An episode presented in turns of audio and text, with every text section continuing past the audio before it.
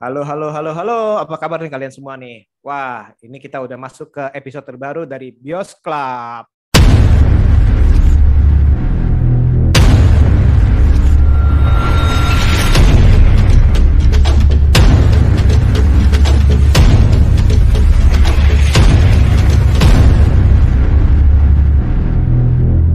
Gimana, gimana? Sekarang udah bersama saya, Mas Aska, Mbak Nili, dan Mbak Nuti. Apa kabar kalian semua? Baik. Halo. Kayak anak-anak. Apa kabar baik? Baik. Oke. Seperti eh, poster saya di belakang ini, kita akan membahas mungkin kita bilang ini installment ketiga dari filosofi eh, apa dunia filosofi kopi. Cie. Kali ini judulnya Ben dan Jody. Setelah dua Yes. film yang pertama, yang pertama adalah filosofi kopi, yang kedua adalah filosofi kopi kedua Ben dan Jody. Sekarang fi- Hmm. Ben dan Jody aja. Gua diculik, gua dipukulin. Ini wilayah yang berbahaya. Nah, Hmm. kita langsung aja ke Mbak Nelly nih. Mbak Nelly, eh, waktu pertama kali eh, mendengar bahwa eh, dunia dari filosofi kopi ini pengen istilahnya pengen dibalikin istilahnya dan istilahnya dengan segala sesuatu yang berbeda eh, yakni dengan segi aksi yang ingin dijual nih. Nah, Mbak Nelly sendiri gimana nih eh, responnya? Eh, responnya yang pertama kali ngelihat case-nya, begitu ngelihat case-nya eh Atubir ya udah, oh langsung excited lah pasti wah ini pasti keren. langsung. Jaminan mutu untuk eh, Iya, untuk kebudukan ya. film action Indonesia, iya. Aku sangat berharap sih. Oke, jadi berharap bukannya, aduh ini ngapain sih ini bukannya Ah, soal enggak, cinta-cinta lagi lah gitu, enggak. Udah tahu udah pak udah tahu pasti itu pasti ada hubungannya. Kan dia maskot kopi juga soalnya kan. kopi. Jadi pasti Ya. ada korelasinya gitu, nggak mungkin keluar dari filosofi kopinya. Hmm. Oke, oke. Mas Aska gimana Mas Aska? Sama seperti seperti kakak Nelly ya. Ya karena awal pertama kan ditunjukkan ininya dulu posternya dulu kan. Posternya Ben dan Jody yang biasanya anak senja banget kayak baju kopi, baju anak anak eh, warkop gitu kan. Ini tiba-tiba ada foto teasernya si Jody eh si bandnya ketembak gitu di, di di atas pickup. Waktu itu pertama kali ada teasernya. Langsung betul. ah ini kenapa terlalu tegang nih? Ada apa nih Ben dan Jody nih?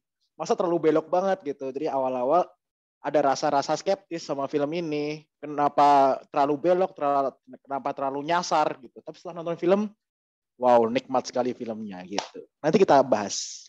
Tapi sebelum kita bahas lebih lanjut, saya mau nanya lagi Mas Aska, kenapa skeptis? Apa salahnya? skeptis karena eh, dunia perkopian juga udah usang dari 2015 gitu. Kenapa Ben dan Jody ini masih ber- terus berpetualang gitu. Tadi 2015 sampai 2022 berarti tujuh tahun gitu. Hmm, hmm. Kalau kata Mas Angga ini mau gimana? Mau bikin kopi lagi, mau perang kopi lagi atau kopinya mau dibom katanya Angga sih gitu. Tapi ya kita kan penasaran nih apa sih mau dikembangin dari warung kopi kalian gitu. Ya setelah dilihat perkembangannya seperti ini ya udah makin penasaran. Terus kalau kata Nelly loh ada Yayan Ruhian nih harusnya menyajikan sesuatu dong gitu. Mana mungkin Yayan Ruhian cuma jadi pengunjung kopi terus menikmatin kopi doang kan iya. aduh itu waste aktor gitu. Ya makanya wah ini menjanjikan harusnya. Atau kayak iklan yang zaman dulu, gebrak meja, saya mau eh, saya pesan yang paling enak, gebrak gitu ya. Iya iya iya iya. Iklan-iklan zaman dulu kan ada tuh ya. Dan Jody baru unggul gitu. Boleh boleh boleh. Produk Oke, placement. Oke, ini menarik, menarik, menarik. Walaupun dalam kenyataan itu sekarang kedai kopi juga masih banyak eh, banyak apa bermunculan nih dengan merek-merek baru Hmm. ya. Jadi istilahnya eh, kopi kayaknya nggak nggak akan mati nih dalam arti Ya. eh, dalam jangka Hmm. waktu dekat nih, walaupun banyak saingan-saingan. Mbak Nuti Hmm. gimana Mbak Nuti? Dikala mendengar nih eh, Ben and Jody nih akan mengusung sesuatu yang berbeda daripada dua film sebelumnya. Aku sih kaget aja, soalnya kan tadinya drama, terus mau mengusung apa gitu. Terus pas lihat eh, foto teasernya, ini kok aneh-aneh aja ya kayaknya. Mau dibawa ke mana sih filosofi kopi ini? Aduh, ya ak- aku sendiri bukan penggemar kopi, jadi nggak terlalu excited juga, tapi juga eh, standar aja. Yang heboh itu justru pada saat poster yang Kang Yayan muncul. Nah itu baru tertarik. Hmm. Sebelumnya sih Hmm, cuma ini mau yes. ke mana sih gitu. Aduh, Hmm. kayak ini eh, dua orang eh, bener-bener apa tergiur Benar, dengan benar. eh, si itu Tubir, Tubir, AA Tubir. Tubir. Kenapa manggil Mas? Nah dari tadi dari kemarin juga saya manggilnya Mas terus nih. Siapa pun itu saya panggil Mas nih. Jangan, untung nggak ketemu AA Iya. Tubir ya. Semua orang yang manggil Mas. Oke oke oke. Nah kalau saya pribadi justru saya apa hmm, excited sih. Dalam arti kenapa? Eh, saya justru akan bingung bila misalnya oh ini pengen dibuat lagi nih filosofi kopi dengan istilahnya dengan eh, cinta-cintaan lagi dengan saya eh, vibe yang sama nih. Saya justru agak eh, mungkin agak skeptis bila itu akan dibuat seperti itu. Namun bila itu dibelokkan seperti aksi ini, justru ini saya eh, akan berpikir wah ini kegilaan apa nih akan di istilahnya dimunculin nih kok berani nih apalagi kan yang sebelum-sebelumnya itu kita di dua dua film sebelumnya memang sudah istilahnya hmm, sudah digembar-gemborkan itu yang mengenai apa perbuatan lahan segala macam itu di Hmm. dua film ini tetap ada nih dalam arti tetap ada permasalahan itu jadi saya Yes. pikir ini masih tetap setia nih di uh, film ini dan ternyata ya benar nah Hmm. oke Uh, tadi itu dari ekspektasi nah mbak Nini setelah menonton film ini gimana nih Kalau dari eh, actionnya sih eh apa? Ikut seneng sih menikmatin menikmatin actionnya. Jokesnya juga menikmatin cuma memang porsi eh, tentang filosofi kopinya sendiri agak memang agak kurang kan. Apalagi di sini kan banyak bintang-bintang yang baru karakter baru yang malah kada- kelihatannya lebih menonjol gitu kan dari dari pemainnya sendiri. Tapi ya nggak ada Hmm. masalah sih karena di satu sama dua kan kita juga udah puas tuh ngelihat Isi. mereka ngelihat apa tuh chemistry mereka berdua gitu kan yang nggak ada salahnya sih. Jadi lebih berwarna sih yang sekarang sih jadi lebih berwarna gitu.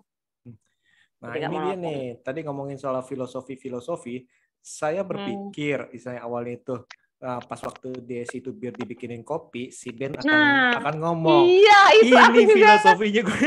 Gue, gue nungguin, ini filosofinya apa nih? bikin. kasih kertas gitu ya nulis gitu aduh tulis nih AA nih atau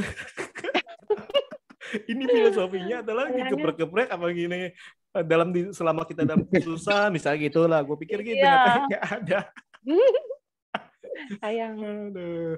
Oke oke, Mas Aska gimana Mas Aska? Jangan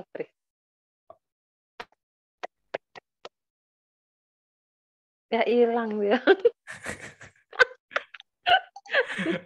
Lagi bikin kopi kayaknya. Biar biar bisa ini ngasih filosofi.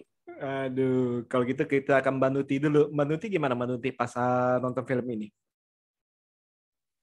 Nah, berlanjut dari ngelihat posternya Kang Yayan, aku nunggu-nungguin tuh lebih-lebih berikutnya ada trailer adegan seru, aksi-aksi kayak gitu. Dan pada saat nonton ya emang sih terhibur banget sama adegan aksi yang luar biasa itu.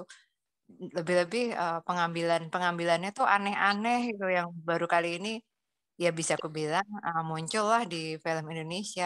Menarik banget. Belum lagi dengar eh, apa ya yang tersebar di sosial media bahwa Angga melakukan sendiri kegiatan uh, penyuntingan dan bahkan dia sendiri juga kadang-kadang yang jadi uh, stuntman-nya. Waduh, jadi wah ini film aksi keren deh gitu.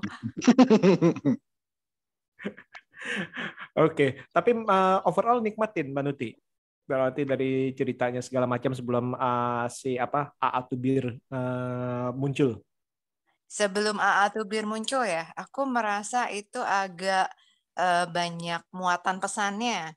Seperti sekarang itu kayaknya kan lagi tren masalah pertanahan, Hmm. ada beberapa kali uh, diungkit dalam beberapa film Indonesia, kemudian um, kondisi sosial lainnya lah. Nah, ini ternyata dimunculkan lagi. Jadi apakah ini merupakan suatu tren baru di film Indonesia? Nah, itu jeng-jeng.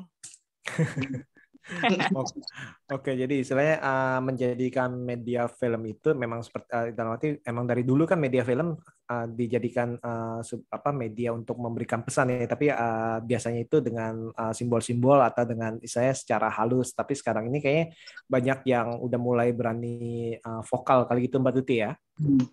Lebih spesifik dan detail dalam dibuat dalam Hmm. film dan itu dibuatnya dalam uh, bentuk bukan dokumenter yang biasanya cenderung Hmm. membosankan, tapi dibuat dalam film aksi, film drama yang Hmm. menyentuh uh, perasaan penonton. Jadi membuat orang tuh makin tertarik untuk menonton dan tentunya uh, pesan sosial itu masuk ke dalam pikiran mereka secara perlahan. Menarik juga sih strategi. Hmm. Oke oke. Nah Mas Aska gimana Mas Aska? Sepakat. Jadi film Indonesia kan belakangan ini juga kayak ngasih sesuatu, harus menyuarakan sesuatu gitu. Meskipun nggak ada kewajiban, tapi mereka tuh ada keresahan sendiri, pengen gatel nih diomongin kalau cuman Dardedor, Wawes Wawes kan kelihatannya kurang gitu. Jadi mereka harus ada satu pesan tertentu. Terus si Angga juga kayaknya ada keresahan emosional batin sama mendiang Glenn Fredly. Terus ada uh, persohiban si Rio Dewanto, Chico Jericho sama Angga Sasongko kan mereka udah uh, sohib banget gitu. Kayaknya mereka punya satu visi yang sama nih untuk membuat band Jodi lebih berpengaruh lebih dari sekedar kafe-kafe kopi. Kalau kafe kopi kan mereka ngerasa oh kedai kopi di Indonesia ini udah banyak yang menjamur gitu. Kayaknya mereka cukup lah untuk menyuarakan kopi-kopian lagi atau resep kopi baru lagi gitu. Apa mungkin mau kopi luwak dari tanah warna reja kan nggak mungkin kan. Jadi mereka membuat oh kita buat yang aksi deh gitu. Sekaligus mungkin Angga Sesongko kayak bikin sesuatu kayak misi balas dendamnya dia dari film Wiro Sableng yang mungkin dibilang kita ngerasa kurang terpuaskan dengan aksi. Dia punya keresahan sendiri, kayaknya dia lebih idealis nih punya rumah PH sendiri, dibuatlah di Bendan Jodi gitu dengan anak-anaknya mereka juga kan si Rio sama Chico. Ya terjadilah ke sebuah proyek yang kurasa sih jujur, terus punya suara sesuatu yang penting tentang agraria yang disampaikan sama Kak Nuti tadi. Terus bumbu aksinya juga nggak setengah-setengah, itu yang menurutku bikin film ini naik kelas gitu, levelnya udah di atas rata-rata menurutku. Jadi nggak setengah-setengah untuk mengeksekusi segala sesuatu aksinya gitu. That's it. Oke, okay. kalau gitu Mas Aska, uh, sisi kuat dari film ini apa nih menurut Mas Aska nih? Sisi kuat, uh, pertama karena dari 2015 balik lagi Ben dan Jody udah lama banget, hmm. harusnya bromance-nya kan semakin kuat gitu. Itu hmm. yang menurutku ditonjolkan juga. Jadi mereka terasa semakin akrab, terasa semakin natural, kayak bukan acting aja itu, itu manggilnya pun udah Ben dan Jody aja, gak mungkin mereka ngomongnya udah Rio atau ini, kayaknya udah cocok banget gitu. Terus apa ya dengan bahasa-bahasa kasar persahabatan kan mungkin dianggap normal ya, jadi kita ketawa-ketawa aja gitu. Beberapa film ngerasa ketika bromance atau apa itu panggil nama istilah lain, rasanya kayaknya baru kenal kenapa so akrab sih. Nah, kalau mereka ngomong sorry kayak nyet nyet itu kayaknya ya udah itu bahasa mereka manggil aja gitu. Itu yang ngerasa nyaman aja di kuping dan kita ngeliatnya ah kelihatannya asik juga ya persahabatan mereka dan diuji dengan aksinya ditambah Yayan Ruhian dan karakter-karakter lain yang masuk di sini itu sedikit mewarnai uh, trilogi gitulah Ben dan Jody ini. Oke oke. Nah kalau dari Mbak Nelly sendiri gimana nih melihat uh, film ini sisi kuatnya apa nih atau nilai positifnya? Kalau aku sih uh, kemarin itu aku salah tanggap. Aku pikir ini film yang ketiga. Ternyata ini jadi yang kedua versi lain maksudnya gitu ya? Ya spin off jadinya. Oh Belok. gitu. Iya.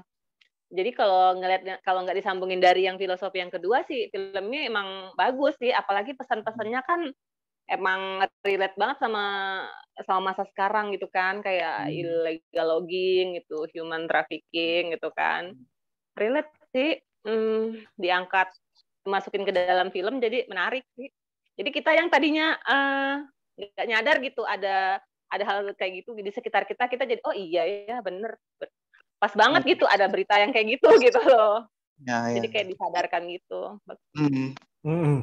Betul, berita pengurungan segala macam ya. Yep. Relate banget, jadi relate, relate banget. Oke. Oke, Mbak Nuti gimana Mbak Nuti? Kalau Mbak Nuti menurut Mbak Nuti? Aku setuju sama Nelly karena um, isu atau berita semacam itu tuh sudah sering didengar dan biasanya kalau manusia itu kan kalau dengar sesuatu yang sudah sering, keseringan malah jadi dianggapnya biasa. Jadi melalui film ini seolah-olah uh, penonton tuh diingatkan dan, eh kamu jangan cuek aja dong, lihat dong sekeliling kamu gitu seolah-olah itu diteriakan oleh Angga melalui film ini. Dan ya itu tadi dia itu um, membawa pesan ini dengan selubung bukan selubung ya bungkus bungkus aksi itu ya jadinya membuat penontonnya merasa tidak digurui tapi diingatkan tapi dan pada saat selesai menonton merasa senang puas hmm. gitu lah wis koreografinya keren ini hmm. Hmm. Hmm.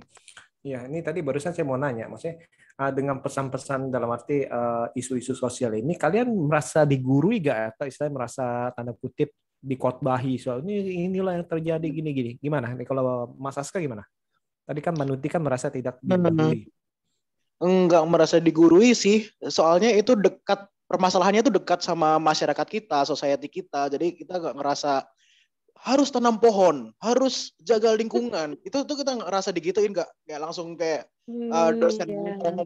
apalagi Ben dan Jody yang bengal-bengalnya gitu kalau mereka ngomong ya gitu tuh malah geli jadinya kan gitu.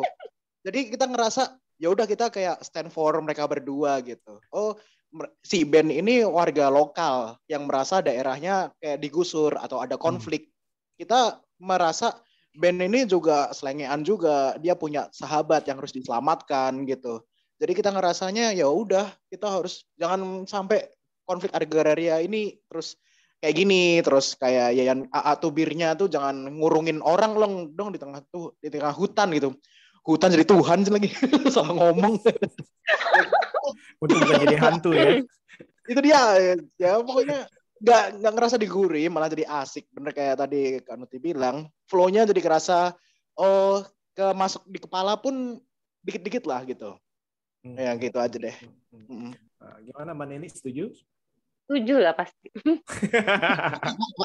Singkat padat seperti yang sebelumnya sebelum tadi ngomongnya gitu ya. Oke oke. Jadi iya. sesuai dengan ada teksnya.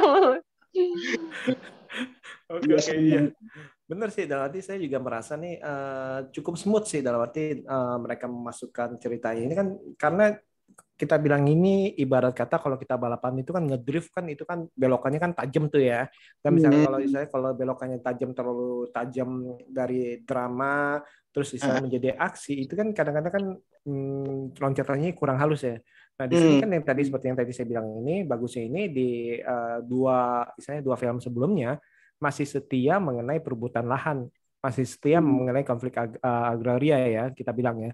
Dan itu di sini pun jadi dipertajamkan nih. Dan di sini pun dipergunakan karena memang semakin mungkin semakin banyak nih istilahnya masalah-masalah uh, seperti ini yang akhirnya itu dikemas dengan baik nih uh, masuknya juga smooth nih. Dari istilahnya hmm. awal kesannya kayak dari awal pun kita udah udah dikasih lihat uh, kalian nggak akan nonton yang yang romantis romantis nggak akan nonton yang yang eh, senja-senja bilangnya kalau Mas Aska bilang ya.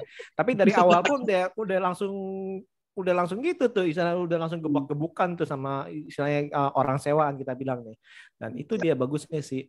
Nah terus belum lagi tadi aksinya Mbak Nelly ya Mas Aska ya, ya. Uh, Mbak Nuti ya. Saya koreografinya itu menurut saya sih itu sih gila juga sih dalam hand com hand, hand combat itu hmm. wow gimana gimana menurut kalian gimana nih kalau uh, masalah aksinya nih?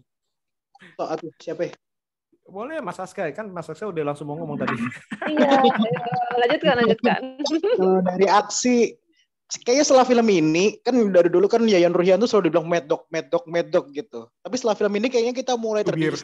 Atau bir nih, atau bir gitu. Jadi iya. ini ada sesuatu Lepas impact ya iya dia lepas dari salah satu karakter lama yang udah lama melekat dia muncul di Atubir. Jadi banyak orang awam yang Atubir Atubir itu siapa? gitu. Mereka nggak tahu makanya setelah nonton film ini mungkin mereka penasaran. Soalnya karakter dia juga lumayan penting terus uh, impactful juga gitu ke, ke dalam satu plot gitu. Bukan asal gebuk-gebuk doang tapi dia uh, sesekali ngeluarin line komedi yang oke okay banget gitu kan. Terus apa ya aktingnya juga uh, bikin meningkat gitu dari segi hmm. acting hmm. tuh Yayan Ruhian nggak cuma asal gebuk, asal Hmm, hmm. berantem doang gitu. Dia dikasih dialog panjang tuh sekarang udah bisa tektokan. Itu yang bikin ini udah semakin sempurna nih orang gitu tuh loh. Itu yang bikin Ya, menyenangkan filmnya. Betul betul dan istilahnya ya itu mau sesangar apa pun tampangnya, sesangar apa pun kita Ah. ingat si Mad Dog, Ah, tapi ya. bisa ngelawak. Nah, Iya. pokoknya kalau kalian ngelihat Yayan Ruhian pakai singlet putih, udah kalian minggir aja itu udah respect udah keren dah. Gitu aja. Jangan dilawan dah. Jangan dilawan. Aduh, belum lagi apa kalau Mad Dog kan greget-greget. Kalau ini Ah. kolak, kopi kolak, kopi kolak. Iya, benar, benar.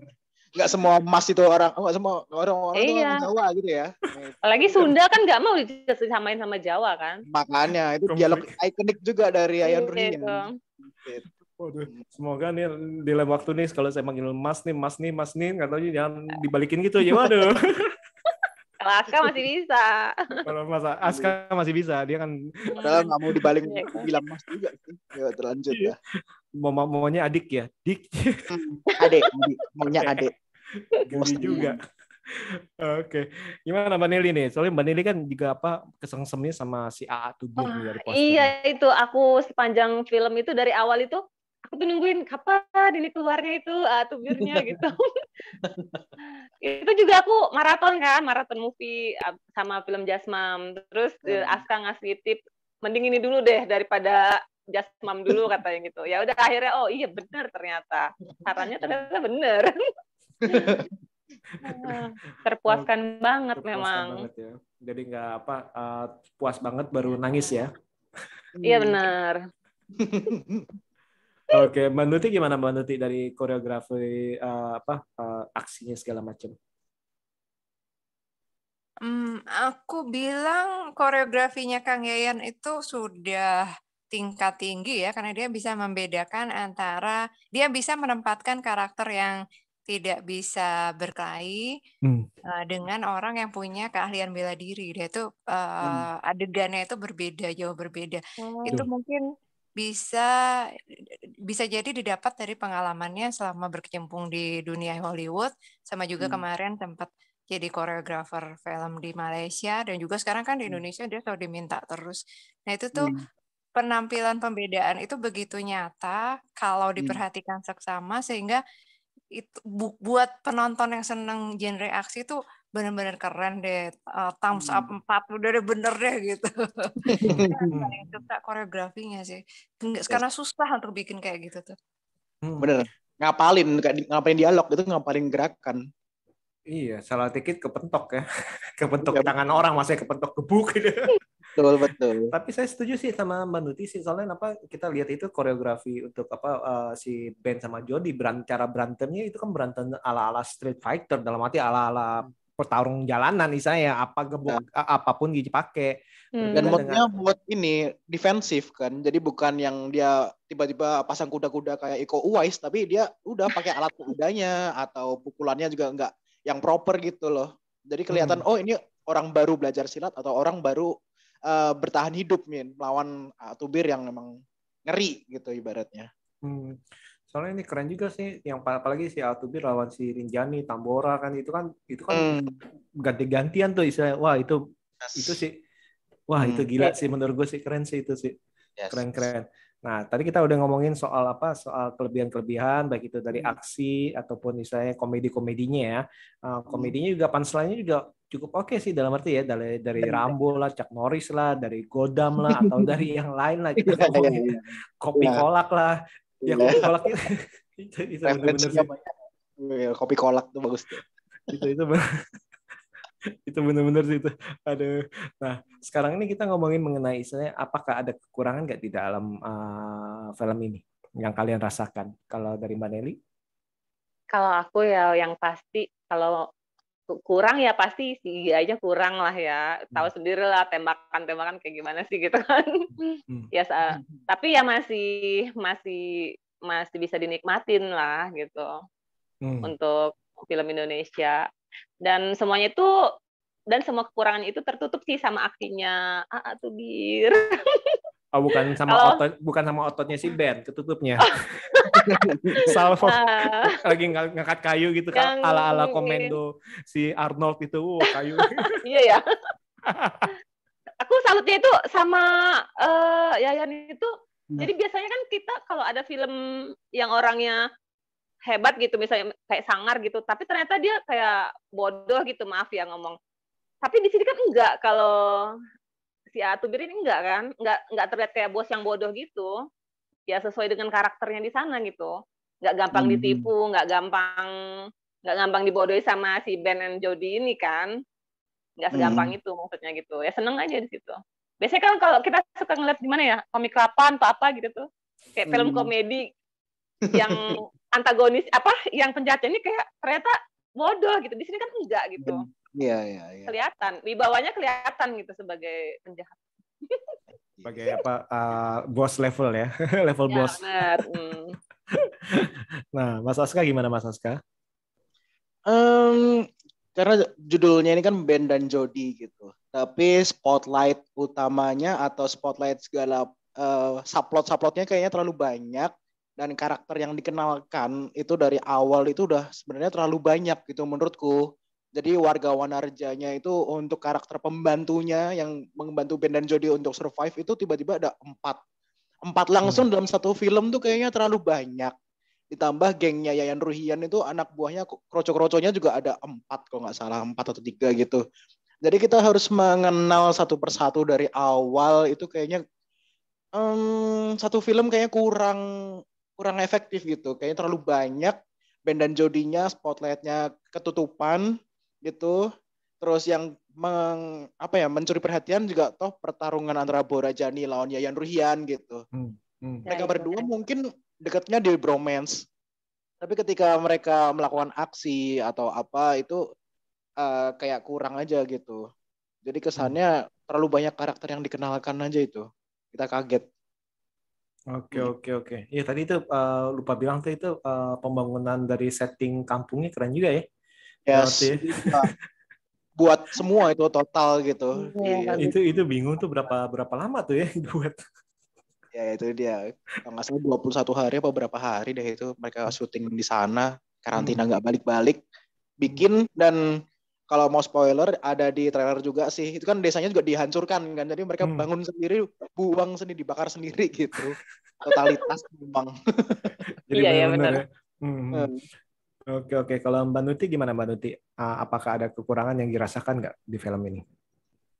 Aku sama kayak Aska merasa terlalu banyak karakter baru yang dikenalkan dan sepintas-pintas. Jadi ya kalau cuma sambil lalu aja dengan tetap menonjolkan Ben Jody ya tentunya nggak masalah. Cuma jadinya bikin penasaran kan nih sebenarnya kenapa sih kemudian kampung itu kok kayaknya aneh banget tiba-tiba muncul gitu. Eh, harusnya kan susah ditemukan tapi terus tempat persembunyian tempat orang-orang itu dikurung juga harusnya kan sulit ditemukan tapi kok kayaknya muter-muter Gampang. simpel banget gitu jadi ag- agak sesuatu yang kurang bisa diterima tapi ya, ya bisa juga diterima gitu ya. Iya, iya, iya. agak aneh agak mengganjal gitu lah kalau aku bilang tapi Iya. secara keseluruhan sih udah lumayan sih cuma itu aja sih kekurangannya mungkin kalau ada eh, apa ya narasi sedikit itu yang menjelaskan eh, bagaimana kenapa itu tersembunyi dikatakan tersembunyi dan seterusnya dan seterusnya mungkin itu lebih bisa diterima oleh orang-orang yang kadang-kadang suka mempertanyakan detail-detail eh, komplit kayak gitu kalau Hmm. yang lainnya, em, aku bilang kampung tetap bagus, walaupun kalau mungkin ada yang, ada, oh ya ada yang menjanggal sedikit. Kemarin ada eh, tem- salah satu teman bilang eh, itu tuh be- beneran di kampung terpencil atau gimana, tapi kok ada sesuatu, saya nggak ngelihat sih, ada suatu Hmm. peralatan yang agak modern di situ. Nah itu Hmm. benar Hmm. nggak? Itu coba kayaknya harus dilihat lagi. Saya sendiri belum sempat mendengar mendengar Kayak missing details gitu ya. iya. Hmm, ya ya ya. Perabotan maksudnya ada perabotan yang Ada peradaban lah oh ibaratnya. peradaban. Oke oke. Ada ada teknologi lebih maju gitu mungkin. Oh, kayak sih mungkin mereka itu bukan bukan desa tertinggal ya, tapi mereka itu cuman apa uh, tersembunyi kali ya istilahnya mengungkapkan diri juga ya bisa ya. Uh, istilahnya seperti itu sih. Soalnya kan yang mereka kan bilang bahwa kampung mereka akan uh, akan digusur juga kan mau diusir juga ya kalau nggak salah ya kalau saya nggak salah tangkap ya. Iya, iya, ada ada kayaknya. Hmm. Iya, iya. Nah, ya. nah kalau saya, kalau, di, kalau hmm? desa tersembunyi kenapa sulit sekali ibaratnya menemukan tempat persembunyian yang juga tersembunyi itu. Jadi, jadi itu, itu agak aneh gitu di situ. Tapi itu. Hmm. Nah, saya yang saya setuju sih di kala Nava Ben dan Jody itu Nava bisa mengantarkan mereka ke si A tuh bir kenapa? Karena mereka kan pas melarikan diri kan mereka kan udah nggak ngeliatin peta, mereka kan asal. Misalnya asal nunduk asal uh, apa uh, menyelamatkan diri dari tembakan mereka kan nggak misalnya nggak salah aja nih yeah. dari arah mana tar arah mana. Ya itu sih emang enak emang itu sebenarnya itu satu uh, kita bilang satu kekurangan tapi ya karena ini film aksi kayaknya ya ya terima-terima aja lah kita kita bilang nih. Nah kalau uh, itu bagi saya sih bukan kekurangan walaupun itu menurut saya itu ya itu nggak masuk akal. Yang menurut saya itu agak kurang itu adalah uh, pace dari drama itu agak panjang. Kadang-kadang itu misalnya hmm. pace, uh, misalnya dia itu pas waktu terluka lah, atau hmm. pas dia ketakutan, atau pas misalnya drama itu jadi istilahnya uh, naik turun naik ya? turunnya ya? ya kendor benar benar benar. Nah hmm. kalau justru saya sempat ngomong apa ini kayak ini harusnya ini kalau mungkin kalau durasinya agak dipendekin dikit tuh itu dibuang-buangin dikit tuh, istilahnya nggak usah terlalu panjang lah yang yang yang drama-dramanya dikit itu itu hmm. mungkin uh, lebih perfect sih kalau menurut saya sih seperti itu sih. Hmm. hmm nah, hmm.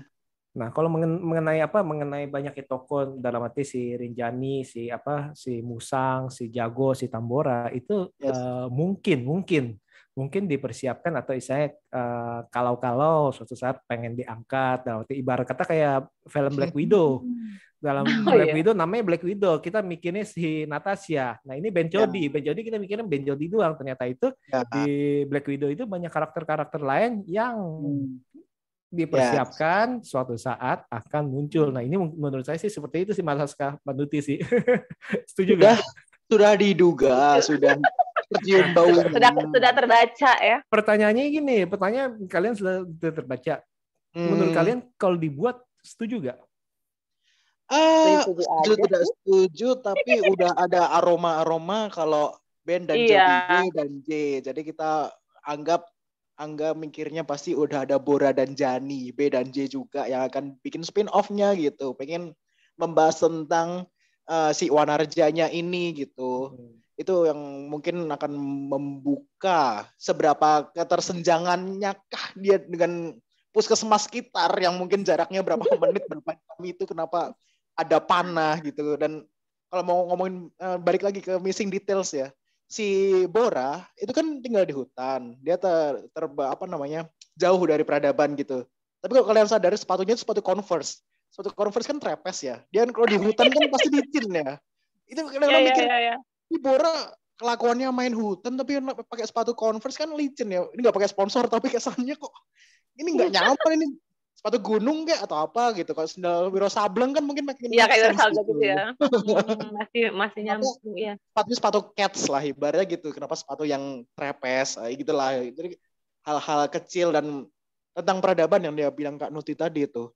Ini nggak make sense gitu. Ke kanan ada kota, ke kiri ke desa. Tapi jaraknya ini berapa malam untuk mengakses ketersesatannya Ben dan Jody itu kita ada missing di situ. Semoga di Bura dan Jadi dijelaskan, oh kita ini nggak dapat BPJS atau nggak dapat listrik ya kan nanti isu-isu lain silahkan dibahas dah.